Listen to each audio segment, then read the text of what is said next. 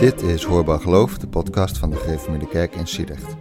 In deze vierdelige serie, The Road to Calvary, spreken Job van Achterberg, dat ben ik, en dominee Alexander Veerman over geloof, ongeloof en alles daartussenin. Aflevering 2, Heroverwegend Geloof. Nou ja, Alexander, na aflevering 1 zijn we een beetje geëindigd op het punt dat we allerlei, dat we allebei, uh, nou, laten we zeggen, in een, in een vorm van atheïsme waren beland. Ja. Uh, jij vanuit een, uh, een geloofspositie. Uh, en ik durf te zeggen, überhaupt niet zelf vanuit een geloofspositie. Wel mee in aanraking geweest. En nu zijn wij op dit moment, nu we dit gesprek hebben, kunnen we onszelf allebei als, als niet lange atheïsten beschouwen. Dus ik denk dat het interessant is om eens te praten over hoe dat nou gekomen is. Ja, nee, precies. Ja, misschien is het aardig, Job. Um, het is inderdaad, de, waar, wat je vorige keer verteld hebt, is dat je um, eigenlijk vanuit denken en, en, en ook vooral het, geen weerklank vinden in, in de, met je, bij je, je gelovige gesprekspartners. dat je eigenlijk de conclusie hebt getrokken van, nou, ik, ik, ik ben atheïst, hè, dus ik, ik doe het zonder uh, religie. wat leverde dat jou op? Ik, ik weet niet of ik laten we zeggen dat ik mezelf even in, in de geschiedenis plaats, ergens in mijn, nou ja, laten we zeggen basisschooltijd, dat ik er niet echt bij stil stond. Um, ik heb een wat typische jeugd in de zin dat ik uh, rond mijn negende, tiende wel in kinderpsychiatrie werd behandeld voor uh, onder andere uh, depressie. Dat heeft tot, laat ik denken, uh, ongeveer mijn twaalfde geduurd. Uh, hm. Uiteindelijk daar de diagnose dysthymie gekregen. Um, en dat, dat heeft toepassing op het idee dat ik niet echt ooit begrepen heb waarom ik nu eigenlijk bestond. Hm. Uh, mijn moeder heeft me wel eens verteld dat ik haar de vraag stelde in de auto op weg naar het psychiatrisch ziekenhuis uh, ja, waarom zijn we hier nu eigenlijk? En ik snap het helemaal niet en, uh, waarom we hier zijn. We zijn hier zeker om eh, dingen goed te laten werken of zo. En ik, ik, ik, ik vind er maar niks aan. Oké. Okay. Nou ja, toen schijn ik een jaar of dikke 10, 11 geweest te zijn. Dat zijn natuurlijk wat vragen die op zich kinderen zich rond die leeftijd wel af gaan vragen. Bijvoorbeeld mijn neefje heeft zich volgens mij, om, toen hij een jaar of acht was, ook wel eens af gaan vragen van... Zou het kunnen dat ik in een computerspelletje ben? Oké. Nou ja, op ja. zich zijn dat vergelijkbare existentiële vragen. Uh, wat, ik, wat ik bedoel te zeggen is dat ik het bestaan eigenlijk nooit echt begreep en ook niet echt snapte waarom ik me daar. waarom ik daarmee door zou moeten gaan. Oké. Okay.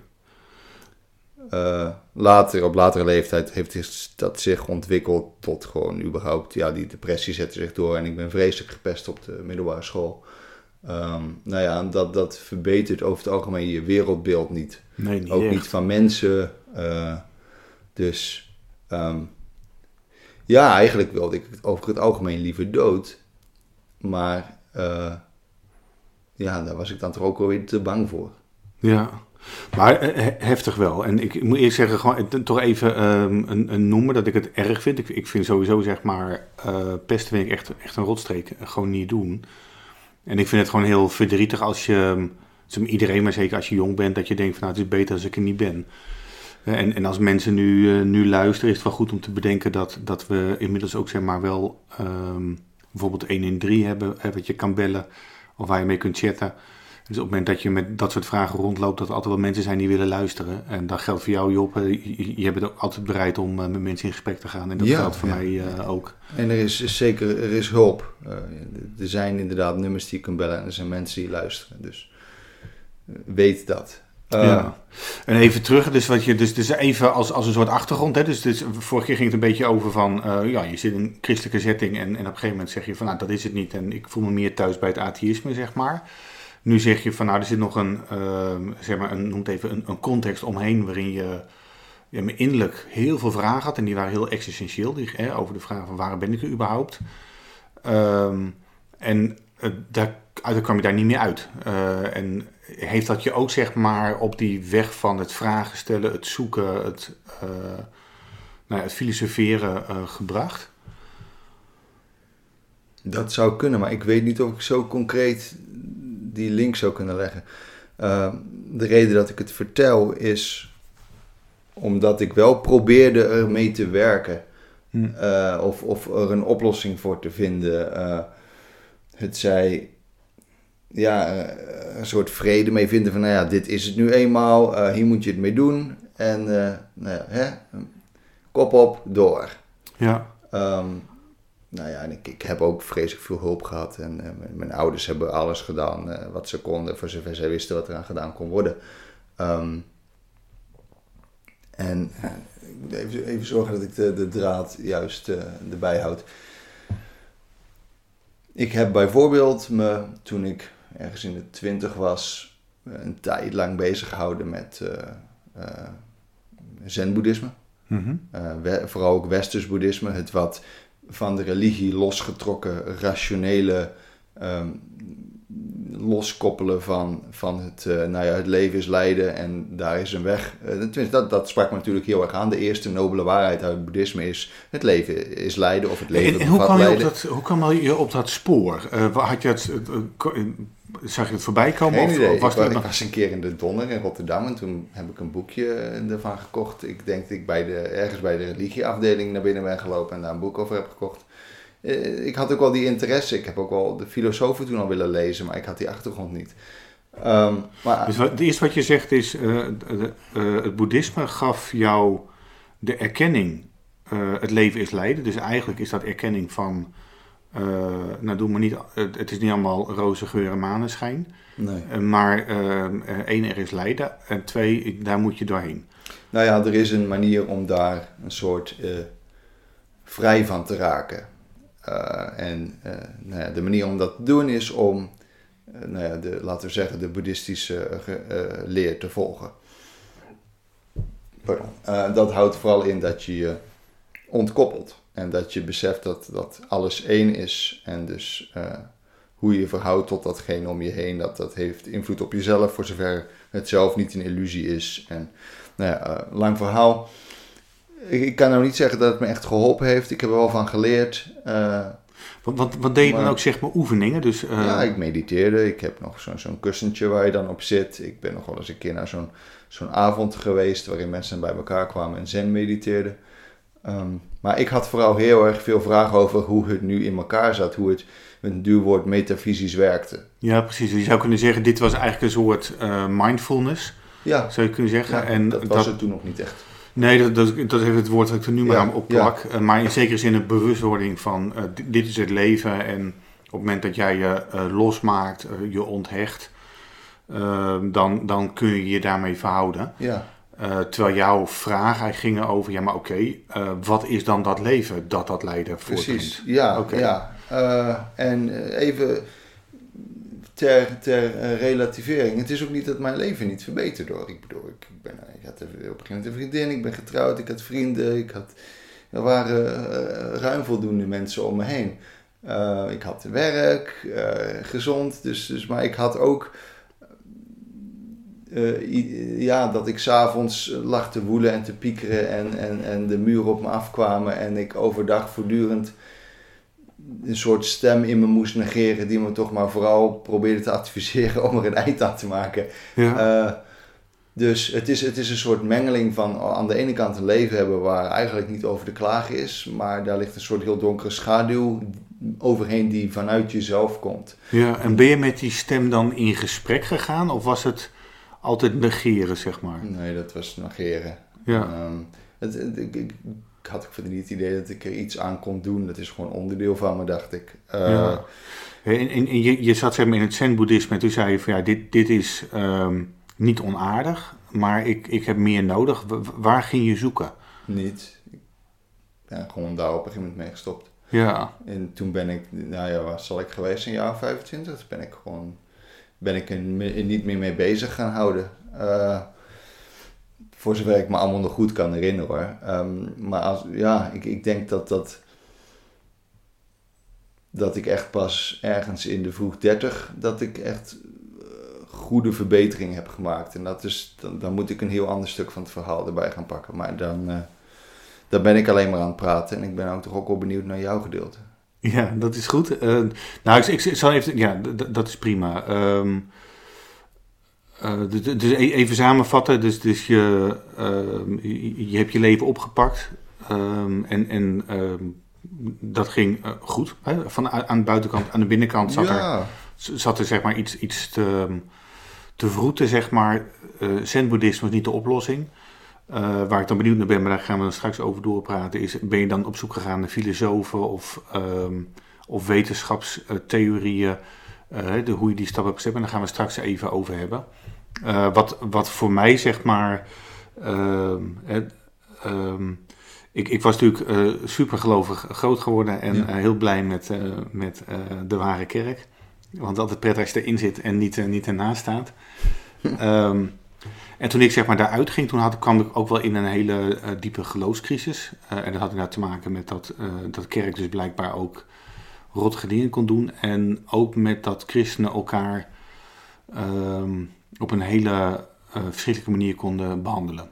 Um, dat heeft een enorme diepe, ja, dat heeft heel diep ingegrepen.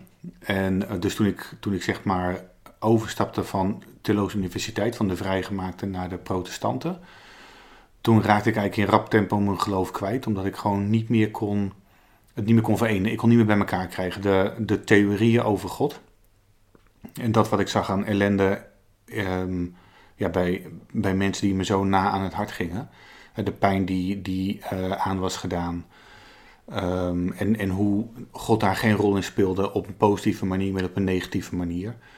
Uh, en, en dat kerken dus meer bezig waren met hun eigen verhaal dan, uh, dan überhaupt zich bezig hielden met um, hoe kunnen wij dienstbaar zijn aan, aan de mensen die, uh, die het moeilijk hebben. Dus dat, dat, het is een beetje zwart-wit, want het zijn heel veel goede kerken enzovoort. Maar voor mij was dat even de ervaring. Um, en ik, die kon het niet bij elkaar krijgen. en, en de verhalen die ik zeg maar op de theologie-studie hoorde over God, die pasten niet meer in de pijn die ik meedroeg. En ik heb toen nog wel een gesprek gehad met een uh, docent, docent pastoraat, uh, Dick Tieleman. En die zei, uh, je moet afbreken. Uh, je, hebt een, je hebt een enorme constructie wat met jouw godsbeeld te maken heeft, met jouw visie op geloof. en, en, en dat klopt niet meer, dat past niet mm. meer. En je kan pas iets gaan bouwen als alles weg is. dus, de, dus je moet eigenlijk ja, deconstructie Hervormen. toepassen. Ja, hij, goed, hij, dat, zou, dat klinkt dan opeens best wel weer um, uh, religieus. Hè? Dus hij had het over deconstructie. Um, maar dat ging me eigenlijk net even te goed af. Dus dat, dat was ook wel weer spannend. Van, um, uh, en zeker zeg maar in, in... Ik ben opgegroeid in een soort uh, systeemdenken. dus alles hangt met alles samen. En op het moment dus dat je op een gegeven moment besluit dat... Of inziet, het is geen besluit. Je ziet in dat bepaalde dingen niet meer kloppen of niet kloppen wat blijft er dan nog over? En uh, eigenlijk was dat niks. Um, en toen deed zich het wat onhandig uh, moment voor dat ik dus niet meer geloofde, uh, maar wel theologie studeerde. en het is eigenlijk zeg maar voorgesorteerd stond, ja, zeg maar met een, met een, um, een middelbare school en, en een aantal jaren um, universitaire opleiding, waar je niks mee kunt als je niet gelovig bent. Um, dus dat was een beetje um, wat onhandig, zeg maar. Dus ik heb toen een tijd ook wat, nou ja, wat, wat nou goed, er, er deden zich veel eh, zorgen voor in het gezin. Uh, mijn vrouw Esther werd ziek. Uh, we hadden een zoontje gekregen waar ik uh, anderhalf jaar lang eigenlijk alleen voor moest zorgen, want Esther gewoon heel veel was opgenomen. Mm -hmm. Dus er was, ook, er was ook niet heel veel, ik had niet heel veel diepe gedachten. Behalve dat ik wel blij was dat ik even niks met God hoefde. Wat wel toen meespeelde was dat de kerk, waar we toen nog lid van waren, uh, onvoorwaardelijk steun bood. Hè. Dus um, dat, dat, dat was voor mij heel belangrijk. Dus op een gegeven moment dacht ik ook van, ja, misschien komt God nooit meer terug, maar ik blijf wel lid van de kerk, want dat hebben ze wel verdiend. Ja, dat, is, ja, ja. Dus dat, dat was wel een gedachte. En op een gegeven moment toen had ik ook zoiets, ik dacht van ja, weet je, uh, ik, ik moet ook voor mijn, uh, ik moet mijn studie afmaken. Ik, ik was toen inmiddels zeven jaar bezig of zo, ik had nog niks. Um, dus ik heb toen eigenlijk alles ingepland. Ik heb alle tentamens gedaan. achter elkaar. En ik hoopte dan, ik denk van nou heb ik in ieder geval mijn opleiding en dan kan ik altijd nog kijken wat ik ermee doe. En wat er toen gebeurde was dat ik, of, ik ehm, schreef mijn scriptie over ehm, wat hebben vrouwen nodig die in hun jeugd misbruikt zijn. Dus dat had mm. alles te maken met mijn, uh, mijn levensverhaal. Met, uh, dus dat, je, dat dat een thema was wat, je wat mij bezig hield. Mm -hmm. Nou, die scriptie viel op. Uh, toen is gevraagd of ik daar meer mee wilde doen. Dus toen ben ik, kon ik een promotiestudie beginnen. En dat heeft mij eigenlijk heel erg geholpen om um, ja, zeg maar op het spoor van kerk te blijven. Zeg maar. Dus um, mijn onderzoek ging, ging over ja, rottigheid in de kerk. En dat gaf mij ook de ruimte om daar ook, eh, zeg maar, ik, was, had ook heel veel boosheid en teleurstelling. Nou, dat, dat kwam daarin mee natuurlijk. Uh, wat, wat interessant was, was, onze socioloog, dus die mij begeleidde. En die zei op een gegeven moment van, nou Alexander, je moet kiezen. Schrijf een roman uh, of ga onderzoek doen. Maar wat je nu aan het doen bent, dat is niks. Uh, dat is net geen van beide. Dus, nou ja, dus dat heeft mij geholpen om uiteindelijk te gaan focussen. ook weer systematisch ehm, nee, niet systematisch, analytisch te leren denken, ook weer zelfreflectie toe te passen. Um, en um, in diezelfde tijd werd Esther predikant.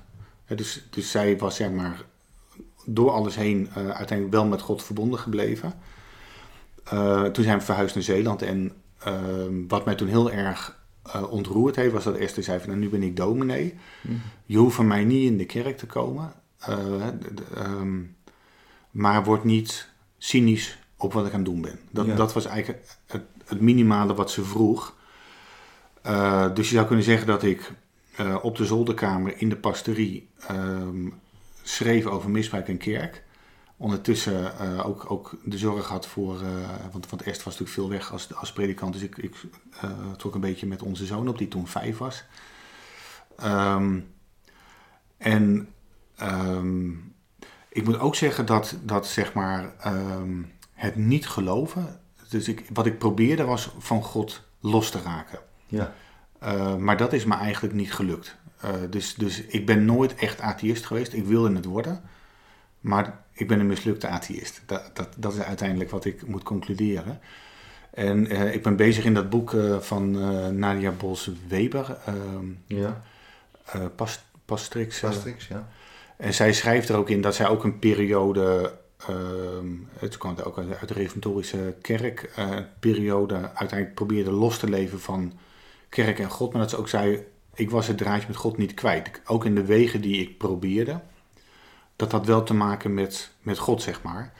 Nou kan ik dat niet precies nazeggen, maar achteraf moet ik wel zeggen van, dat ik mij nooit prettig heb gevoeld in het niet geloven. En dat ik altijd bleef zoeken en worstelen uh, met die God in wie ik niet geloofde. Hmm. Nou, dat is een beetje hoe, hoe ik die fase beleefde. Ja. Ja, dat is wel interessant dat je zegt dat je nooit echt het atheïsme hebt, hebt volledig kunnen.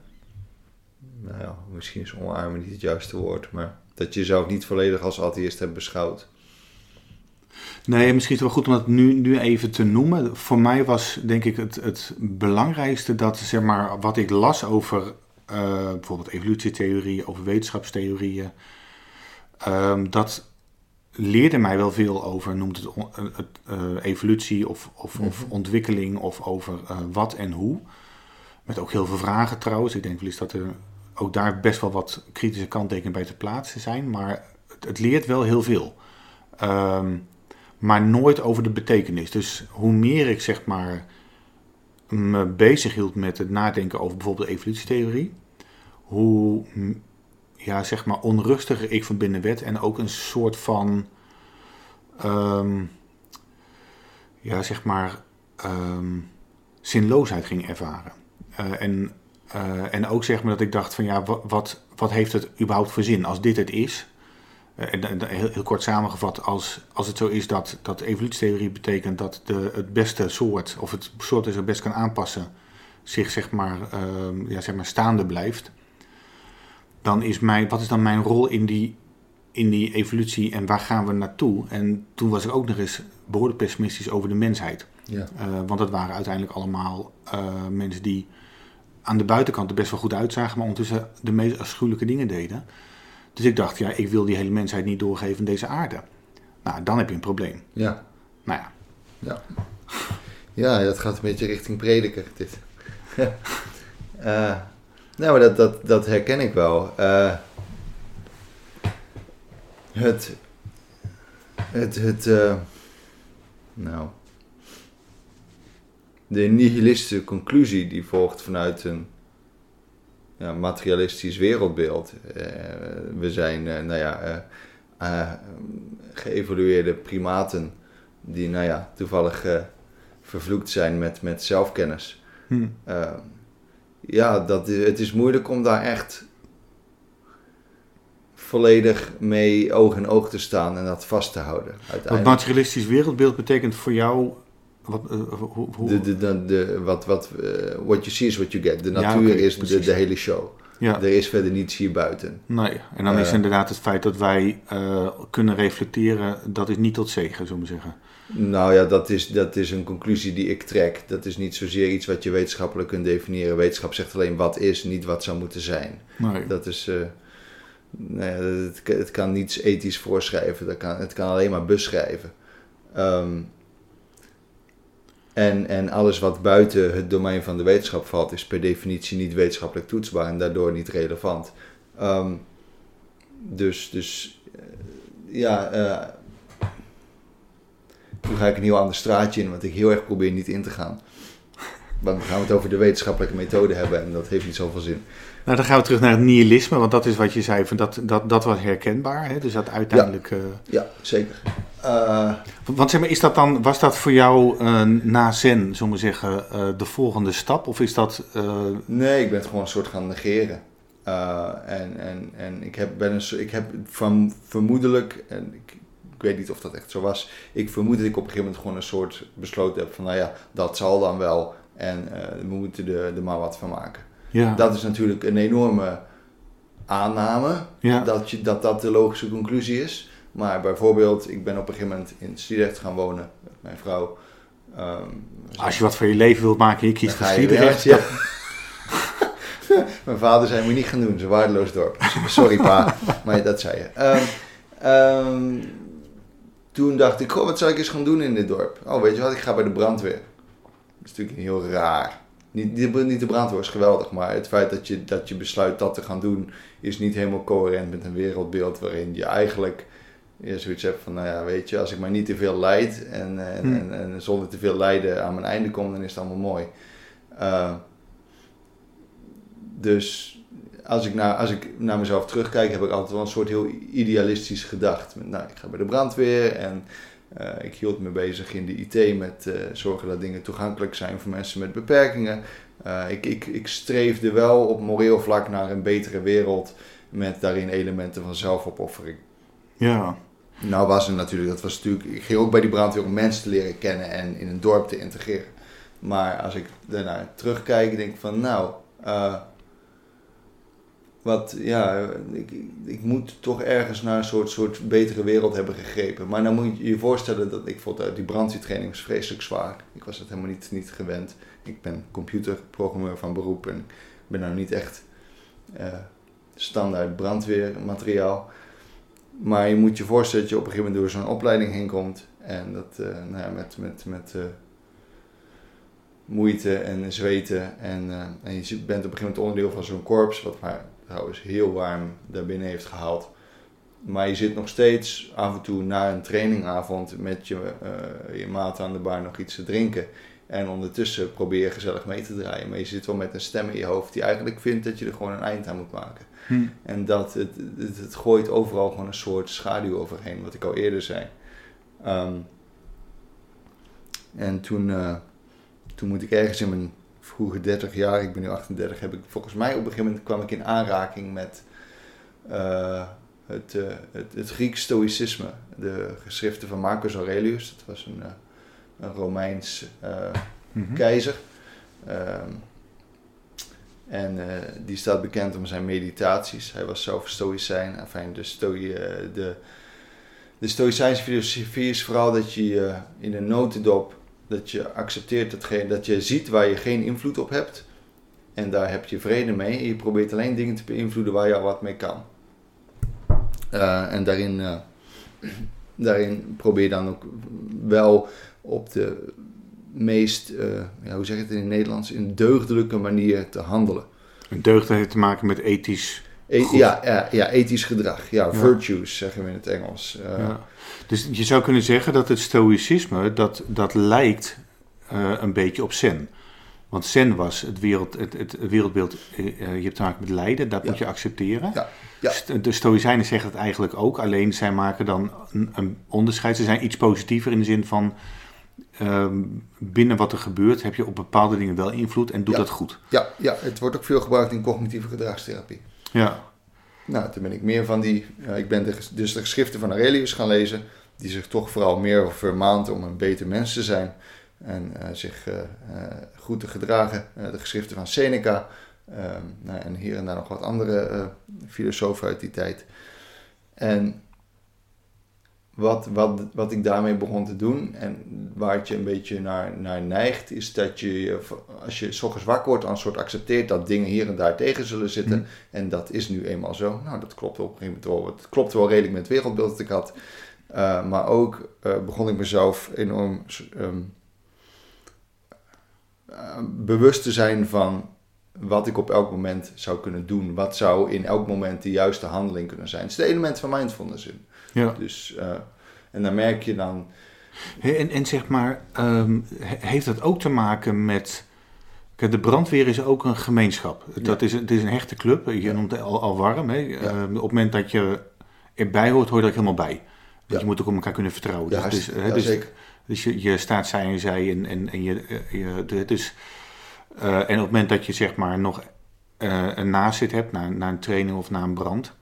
Uh, dan is het ook altijd lol, denk ik dan. maar er is ook serieuze gesprekken.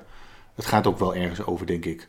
Ja. Zijn dat ook dingen die jou dan hebben uitgedaagd om dan bijvoorbeeld iets te gaan lezen of om dingen door te gaan denken? Dat weet ik niet. Dat, dat is een heel goede vraag. Ik durf er eigenlijk niet goed een antwoord op te geven.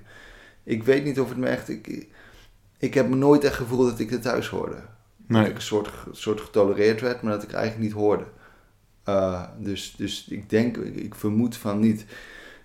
Ik weet ook niet hoe ik uiteindelijk in het stoïcisme terecht kwam. Ik denk dat ik er ergens iets over gelezen heb. Um, maar wat ik, ik begon ook naar een podcast te luisteren van iemand anders die dat probeerde. En die zei ook van, die, die schreef elke ochtend naar zichzelf een kantje. Oké. Okay. En dat, oh, dat kan ik ook. Nou, schriftje, pen, s ochtends eerst, uh, eerst even sporten en dan uh, kantje schrijven.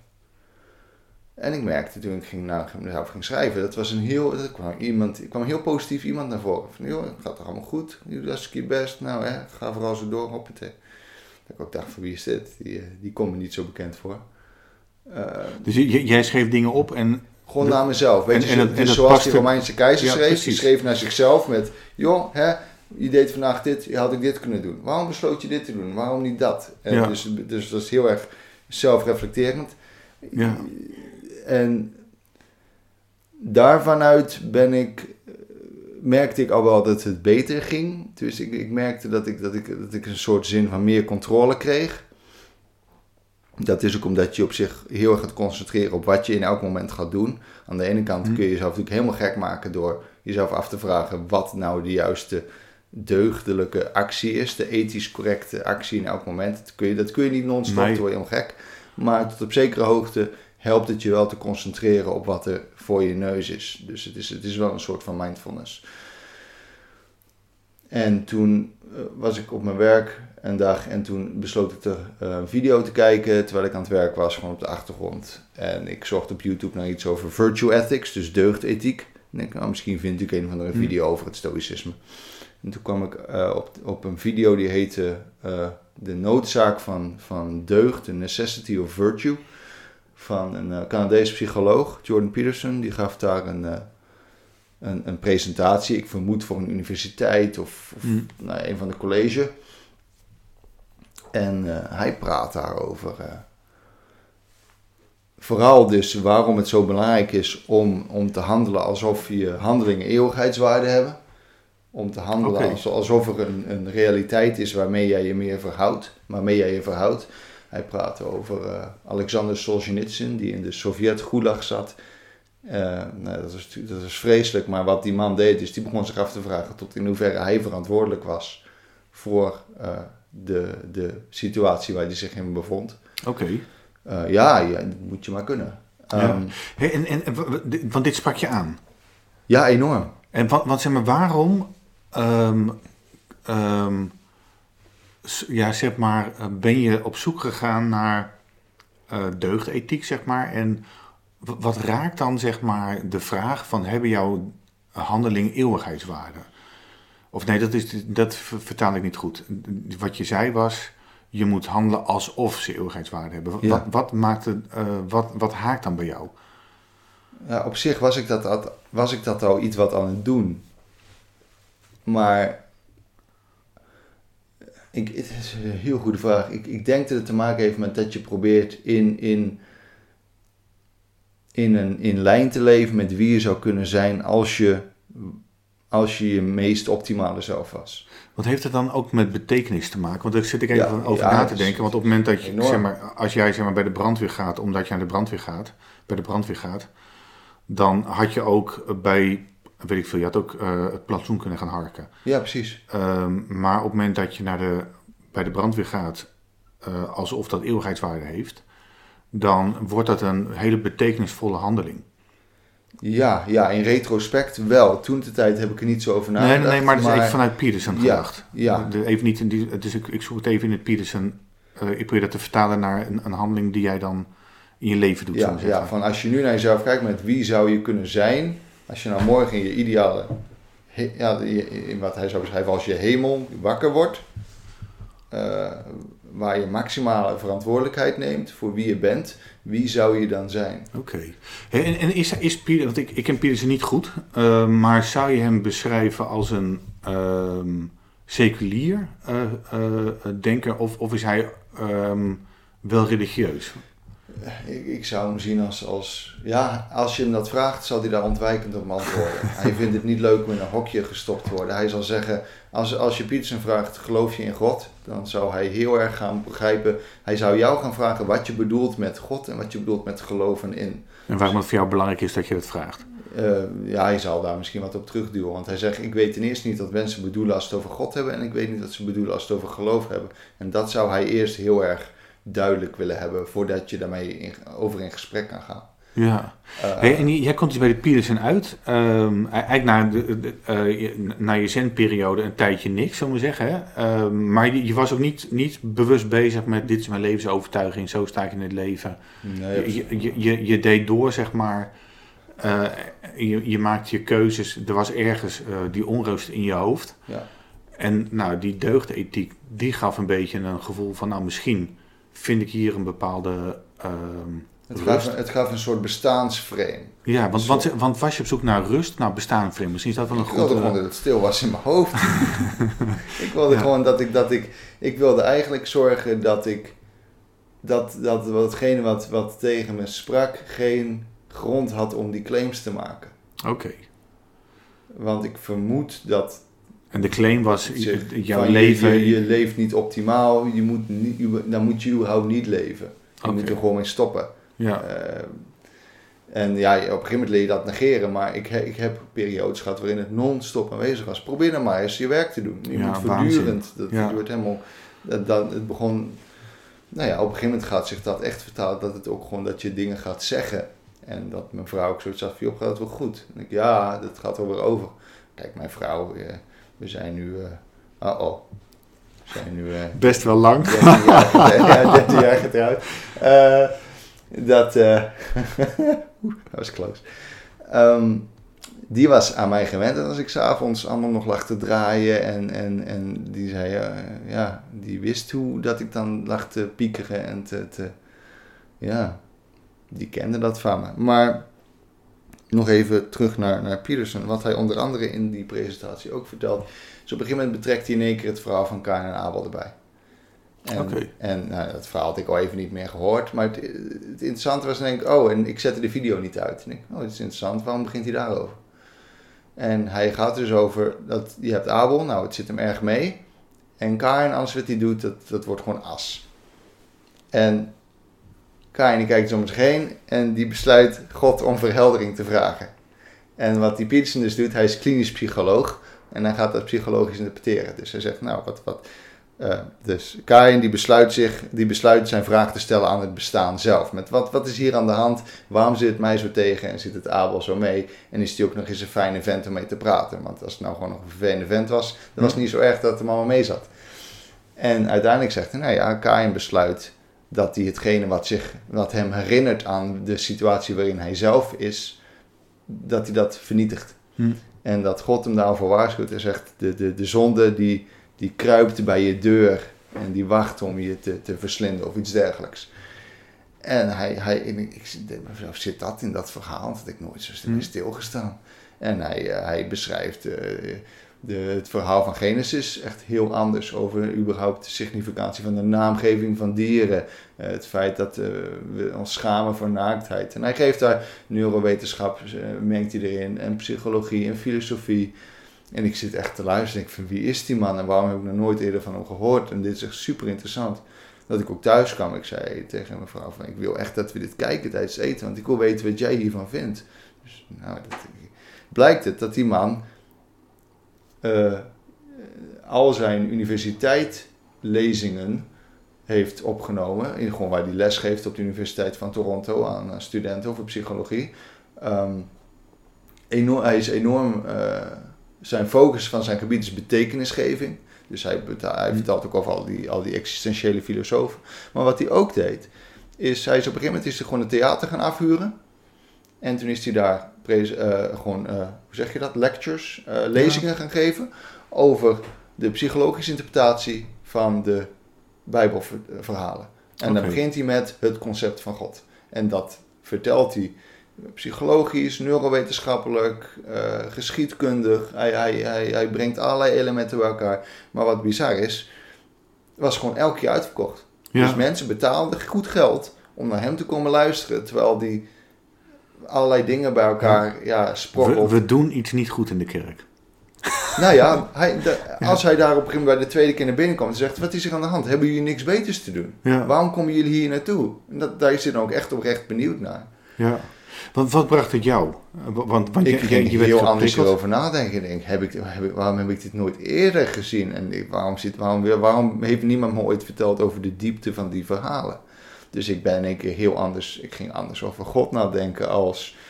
Uh, hij zegt ook het, bijvoorbeeld het brengen van een offer is een soort een verhouding die je hebt met een mogelijke toekomst die beter is dan nu. En dan geef je symbolische uh, um, vulling aan door een handeling te doen die voor jou ook een symbolische waarde heeft. Nou, dat is bijvoorbeeld een brandoffer of dat kan hm. iets zijn van iets waar je waarde aan hecht, opgeven voor een betere toekomst.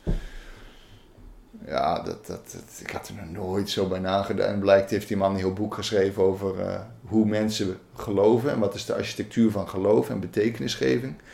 En daar, uh, daar betrekt hij ook allerlei andere religieuze verhalen bij. En wat zijn nou de elementen en hoe hoe, uh, hoe vormt cultuur zich? En daar betrekt hij dan weer al die klinische onderzoeken bij op hoe ratten sociaal met elkaar omgaan en hoe ratten hun territorium verkennen. En nou ja, dat heel lang verhaal. En ik, ik, ik ging er gewoon, ik ging hier, ik denk ja, het is toch natuurlijk heel raar dat ik me nu in één keer begin te interesseren voor, voor dat ik de Bijbel wil gaan lezen en voor het christendom geïnteresseerd. Dat is natuurlijk heel raar. Dat is helemaal niet de bedoeling. Daar heb ik nee. eigenlijk helemaal geen zin in. En toen was ik op een online forum, wat, want op een gegeven moment, ja, je merkt, die man is enorm bekend. Ik had nog nooit van hem gehoord, maar hij had al een enorme ja, uh, gemeenschap om hem heen die in zijn ideeën geïnteresseerd waren. Uh, hij bleek hier en daar ook best controversieel, uh, op politiek gebied dan, maar op, op, hij was, stond bekend als, als nou ja, gerenommeerd psycholoog. Hm. En Um, je ging naar fora toe, ik zeg maar? Ik ging naar een forum en toen postte iemand een, een video daar van een Californische dominee die debatten analyseerde, die daar commentaar op gaf van een, een serie debatten tussen die Peterson en Sam Harris. En Sam Harris is een van de, de nou ja, ze noemen ze een van de vier ruiters van het nieuwe atheïsme. Oh, dus uh, onder andere Richard Dawkins, Sam Harris, de inmiddels overleden Christopher Hitchens en Daniel Dennett, een neurowetenschapper. En eh, ja, de, er waren op een gegeven moment een serie debatten tussen eh, ehm, Peterson en Sam Harris over eh, betekenis en religie. En Sam Harris is erg van, eh, nou ja, God bestaat niet en, eh, en dat, dat, dat, dat, is, dat is allemaal niet houdbaar, niet onlogisch. En, en Peterson zal zeggen, nou ja, ten eerste, wat bedoel je met God? Hm. En hij zal, hij zal daar eerder iets aan zeggen met God is datgene wat aan je antwoordt als je vraagt wat je nu beter zou kunnen doen. En God is hetgene wat, waar, je, waar je naar richt als je een betere, eh, als, je, als, je, nou ja, als je verantwoordelijkheid neemt. En God is hetgene wat eh, dit en dat. En Sam Harris zal bijvoorbeeld zeggen, nee nee, dat is God niet. God is eh, hetgene waar, dat God is de man in de lucht, in de, in de, in, boven de wolken, Ja, die, niet, die niet wil dat jij, dat, dat, die wil dat jij Dat je handen boven de dekens houdt. Een, een, een, een, een heel ander godsbeeld, zeg maar. Dat heel Ja. concreet en dat wordt afgeschoten. En, Ja. en wat zei die Californische dominee ervan? Nou ja, die, die, die, eh, die analyseert dat en hij zegt, nee, hij, ik begrijp wel waar, waar Peterson het over heeft. Die, die, die, zit, die zit op een heel ander niveau, denkt hij over God na. Die zit op een heel existentieel niveau over God na te denken. Maar er zat dus ook een, eh, ik moet steeds in Nederlands, Engels en Nederlands tellen, er zat een, moderator, een, eh, een gespreksleider in dat debat. Ehm, Brad Weinstein, die zelf ongelovig is. En dus Peterson zegt op een gegeven moment: Nee, maar die God, dat is niet wat ik bedoel waar jij het over hebt. Met die, die wat je handjes boven de dekens houdt. God is datgene wat, het, het ultieme dat. En, eh, en die Brad Weinstein, die, die gespreksleider, zegt: Oh nee, ik snap prima die God waar Peterson het over heeft. En ik snap ook helemaal waarom die God zou willen weten. Waarom je willen zorgen dat jij je handen boven de dekens houdt. eh, als, als cru voorbeeld. Maar ja, daar blijft Sam Harris mee komen. Want hij zegt: Ja, want waar belet het je toe? Waar, wat, waarom, zou je dat, waarom zou je niet beter iets anders kunnen doen? Het is de God die zegt van, misschien moet je niet op de bank chips liggen eten, zitten eten en tv kijken. Misschien moet je iets met je leven gaan doen. En, en, en waar, waar, zeg maar, werd jij getriggerd? Of, of Nou ja, waar... toen, ja, ik, in één keer was, was het bij mij van, ja, maar die God snap ik ook. Ja, Dit, hier kan ik wat mee. Dit, dit is, hier kan, natuurlijk kan je hier naar bidden. Ik- Het was, het was niet echt. Weet je, het is iets wat je verbeeldt. Je, je, maar ik, had wel zoiets van, goh, ja, moet ik hier nu wat mee gaan doen? maar, maar even om, om, het, om het te begrijpen. Hè? Eh, de- je, je, ehm, ik, ik, ik zeg maar even, je, Ja, ja. je was atheïst. Ehm, Ja, toen, zeg maar. Eh, de- zo zou je voor zelf ook zover ik wist wel, ja. Ja, en ehm, hè, dus je, je ehm, nou, bent een beetje aan het doorontwikkelen. Past ook bij je leeftijd. maar Tuurlijk, zeker ja. bij de, bij de vraag, eh, vraag die in je hoofd ook eh, Ja, speelde. Je komt bij die deugdenethiek uit. eh via deugdenethiek eh Peterson. ja. Daar hoor je iets over, eh, noem het God als verbeelding. Hè? Dus, eh, dus, het, eh, eh, dus eh, het, het blijft atheïstisch, zullen we zeggen. Alleen in het atheïstische denken komt er ruimte voor, noem het even, theologisch geladen begrippen. Maar die worden dan vooral psychologisch geduid. Maar Ja. je- ik, hoor, ik Ja. hoor je iets zeggen over Ja. zonde, eh, over eh, schuld, over God. Ehm, Ja, ja, al- als jouw leven, stel dat je leven waarde heeft, wat zou je dan gaan doen? ja, Kijk, nou, überhaupt het idee dat mijn leven waarde zou hebben, dat was relatief, nou ja, dat, zo verhield ik me niet. Maar nu was het, nu, nu, nu voelde ik me wel een soort in één keer gedwongen om met dit soort nieuwe vragen te gaan handelen. Dus toen heb ik contact opgenomen met die dominee die heel interessante dingen zei over dat debat. En ik zeg, kunnen wij niet eens een keer praten? Nou ja, en ik, dat, dat, dat, dat is een heel ander verhaal. En we zitten op een gegeven moment alweer om, nu op drie kwartier. Maar eh, ja, toen is, toen is de bal gaan rollen. ja. Dus je zou kunnen zeggen dat dat ergens, het, noem het even, eh, de barsten waren in het atheïstisch denken. Nee, nee, dat duurde, dat, dat was later. Maar het, het heeft me wel op een spoor gezet dat ik niet verwacht nog eens een keer te nemen. Nee, oké. Ja. Ik kan er nu maar wat lacherig naar kijken, maar ik weet nog dat ik toen echt iets had van waar, wat wat is, ik, ik ben, dat ik mijn vrouw begon te vragen van, gaat het wel goed met me? Kom ik nog wel rationeel op je over? En ze zei ja, nee, dat heb ik echt gevraagd. En ik, dus ik ben de laatste persoon die zich hiermee bezig moet gaan houden. En dat is natuurlijk, natuurlijk leuk, zo'n verhaaltje met, oh, de atheïst die, hè. Maar ik, ik wist echt niet wat ik ermee moest. Nee, nee, nee, en zeg maar, de, de, eh, wat ik vooral interessant vind is, is hoe hoe kom je ertoe om zeg maar je met een, nieuw, een nieuwe levensovertuiging of een nieuw wereldbeeld te gaan verhouden? Dat, dat, zijn, eh, dat zijn forse stappen. Hè. Kijk, Ja. in, ehm, voor mij was dat minder groot omdat ik het wel probeerde, maar het lukte niet. Dus ik heb eigenlijk nooit, eh, dat is niet helemaal waar. Eh, ik, maar ik moet eerst mijn ene zin afmaken. Ik heb niet zeg maar de paradigma-wisseling meegemaakt van gelovig naar seculier, Mhm. maar wel van eh, op een bepaalde manier geloven naar een andere manier van geloven. En dat ging via het afbreken, de deconstructie en het verlangen om niet meer te geloven. Dus dat zeg maar. En bij mij kwam zeg maar de, noem het even, de, de, de, de twijfel aan de weg die ik ging. Dus de weg was van, eh, ik probeer ongelovig te worden. Kwam door een goede vriend van mij, Ruud Gansenvoort. Die, waar ik veel mee sprak, die ook mij begeleidde in mijn eh, promotieonderzoek. die op een gegeven moment zei, ik ken weinig mensen die zoveel praten over God als jij. Eh, volgens mij ben je hartstikke gelovig, maar je weet niet hoe. Dat was voor mij zeg maar de ommekeer. Ja, ja maar dat, dat over God praten, dat, dat, waar, ik het vorige keer over had, dat ik allemaal op internetfora zat en met christenen debatteerde en een, een goede discussie met een evangelist niet uit de weg ging. Ik hield me er ook wel mee bezig. Dus dat herken ik van jou wel, dat het ons niet losliet. Maar Hm. ik zou dat voor mezelf geïnterpreteerd hebben als, ik was gewoon heel erg duidelijk overtuigd van mijn eigen gelijk. Ja, Maar wat ik, wat ik nog hierbij wil zeggen is, op het, ik weet het namelijk nog, want ik zat hier, hier in de woonkamer te kijken op de tv, die video. Dat toen ik me realiseerde dat dit een God was waarmee ik me kon verhouden, dat het, dat, dat het een soort, klinkt zo stom, het werd een soort helderder, kleurvoller in de woonkamer en het werd stil boven in mijn hoofd. oké. En, en ik denk dat dat de waarheid is. En ik denk dat het echt gebeurd is. Voor zover ik het me kan herinneren. En Ja. dat, dat blijft raar, zeker omdat ik het er hier op een podcast over heb. Ja. Want, Kostbaar, maar ook kwetsbaar dat je het zegt. Eh, en ook ehm, eh, echt betekenisvol. Ehm, ja. Nou ja, en zie dat maar eens te verklaren. ja. En ik, ik, ik ben heel voorzichtig om daar conclusies aan te trekken. Of om Ja, daar iets en- over van te vinden. Nou, en, en zeker in, in, in waar je zat en waar je zit, is het voldoende om te zeggen van eh, je, je, je zocht via die deugde ethiek en via Peterson naar een, eh, een way of life, om zo te zeggen. Ja. Ehm, en, eh, en die God van de verbeelding, die er misschien zou kunnen, die misschien ook wel meer zou kunnen zijn dan verbinding, maar toen nog niet. Of verbeelding, maar toen nog niet.